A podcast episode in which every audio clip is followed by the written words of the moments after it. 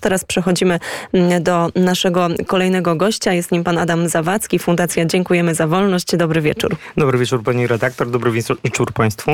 To gość, który dotarł do nas do studia przy krakowskim przedmieściu. Dotarł tak późno, ponieważ e, cały dzień, a tak naprawdę już można powiedzieć od tygodnia, wytężona praca na rzecz, na rzecz pomocy uchodźcom, pomocy tym Ukraińcom, którym udało się wydostać z kraju. Proszę opowiedzieć, jak te ostatnie dni wyglądają, jeżeli chodzi o pracę wolontaryjną w Polsce.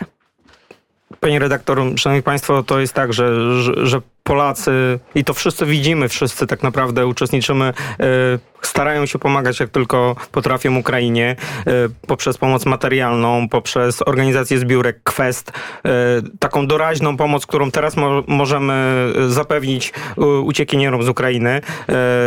Staramy się jak tylko możemy pospolicie pomagać i to jest bardzo dobry odruch. Natomiast ja też zawsze namawiam wszystkich, żeby te działania nie były tylko jednorazowe, żebyśmy się zastanowili, co będzie za tydzień, dwa, trzy tygodnie, kiedy już ta pierwsza fala entuzjazmu e, i zaangażowania opadnie, e, bo teraz to, co widzimy również na granicy, te, te stony, e, to, tony ubrań, które leżą, no to, to, to, to też jest zły obrazek. Ja zachęcam wszystkich do tego, żeby pracowali w naszych małych ojczyznach. Zresztą Radio Wnet tutaj wspiera małe lokalne społeczności i te małe lokalne społeczności niech przyjmują uchodźców, niech zastanawiają się tak naprawdę, e, jak im pomóc, jak znaleźć pracę, jak zająć się dziećmi. E, więc e, przez cały tydzień teraz oczywiście te inicjatywy są i, i trzeba je wspierać. Natomiast pomyślmy, co będzie za kilka tygodni, za kilka miesięcy, a nawet lat. Tak, bo ten problem później z odbudowywaniem Ukrainy, on się nie skończy dosyć szybko. No właśnie i tutaj jest ten apel o to, aby pomagać mądrze, pomagać w sposób odpowiedzialny, bo to, z czym musimy sobie, z czym musimy się zmierzyć i to, z czym trzeba sobie zdawać sprawę, to właśnie to, że e, ci ludzie być może będą potrzebowali tej pomocy na wiele, wiele miesięcy. To chodzi nie tylko o zakwaterowanie, ale także o e, znalezienie pracy, o zapewnienie tych środków e, do życia. I pytanie, z jakimi teraz problemami, czy już ma pan taką wiedzę, z, musimy się zderzyć najbardziej. Jakie błędy Polacy popełniają, którzy chcą pomóc? Słyszeliśmy między innymi o tych wielkich zatorach przy granicy, o tym, że podjeżdżają samochodami, a na przykład młode Białorusi, młode Ukrainki nie tylko tylko. Zresztą kobiety po prostu boją wsiadać się do obcych mężczyzn, tak, w związku z tym to jest na próżno. Tak. I pytanie, czy jakbyśmy mogli spróbować w kilku takich punktach opowiedzieć, gdzie te największe błędy są popełniane, no bo to jest też bardzo istotne. Znaczy, z mojego punktu widzenia organizacji, która e, zajmuje się e, pomocą i też wspólnie, bo to nie jest tylko nasza inicjatywa Apteczka dla Ukrainy, ale też robimy to z instytucjami, które tak naprawdę mają duże doświadczenie pomocowe, duże doświadczenie i też zaplecze, bo, e, bo trzeba też pamiętać o tym zapleczu logistycznym, żeby nie wozić tego na granicę, czy też nie, nie, nie przemieszczać jak to tylko kto może takie na pewno problemy to e, dobór odpowiednich rzeczy do przekazywania osobom, które tu przyjeżdżają.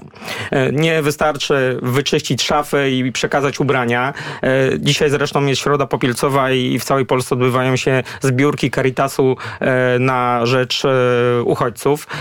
W nadchodzącą niedzielę będzie też zbiórka nowej odzieży, która, e, czy też medykamentów, która też trafi do potrzebujących, żeby te rzeczy były nowe, żeby te rzeczy e, też e, nie były takie, no, żeby były potrzebne, tak?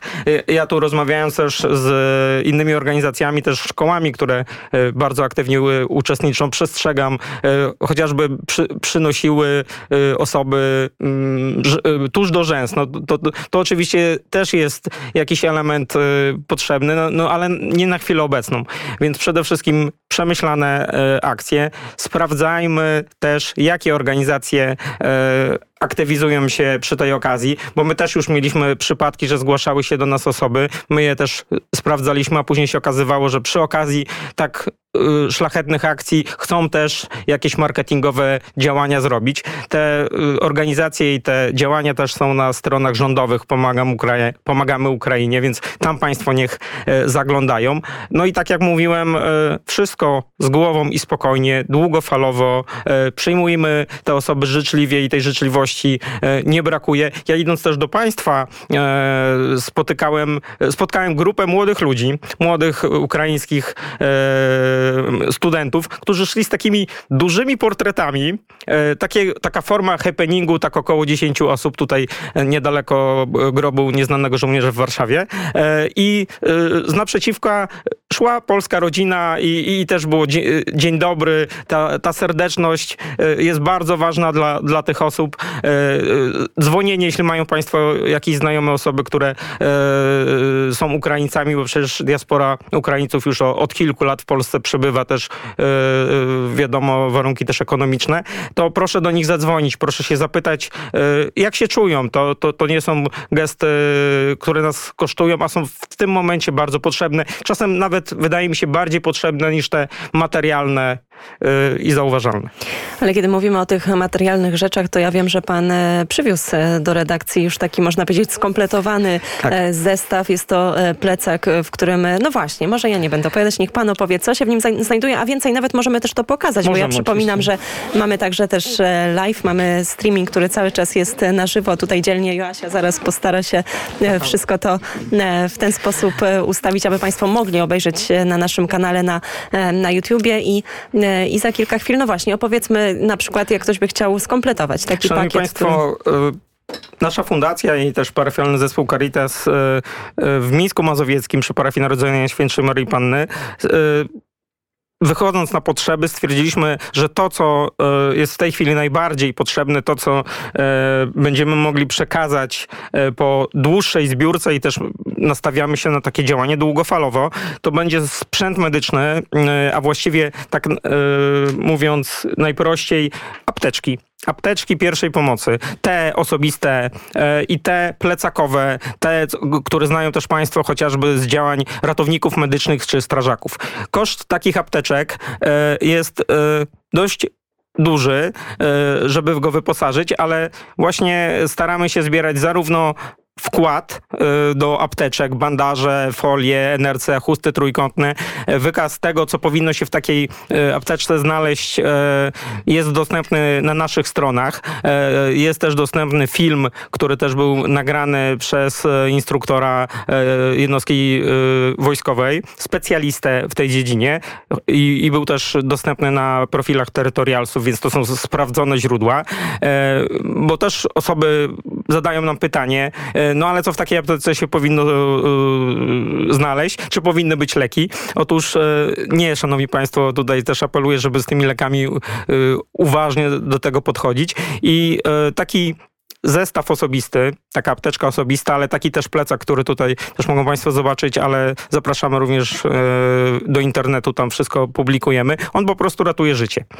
Tak jak ratuje krew, którą licznie też oddajemy i tutaj też korzystając z tego, że jestem u Państwa, chcę na razie powiedzieć wszystkim, że tej krwi przynajmniej w województwie warszawskim i w mazowieckim jest aż nadto, żeby nastawić się i to też jest prośba Narodowego Centrum Krwiodawstwa, z którym też e, współpracujemy, że na chwilę obecną e, powstrzymajmy troszeczkę emocje. E, krew jest przechowywana 42 dni, e, więc e, tej krwi mają dużo i też czekają, co będzie za, za miesiąc, za, za kilka tygodni. Więc to jest długofalowa akcja pomocowa i, i, i na razie nie trzeba krwi. Pamiętajmy, żeby być gotowym, żeby tą czujność zachować. Wracając do apteczki, te produkty zapakowane w e, plecaki, zapakowane w apteczki osobiste są łatwe w transporcie, bo przypominam, że na Ukrainie jest wojna i, i wszelkie transporty e, medykamentów, e, powodują zatory na granicy.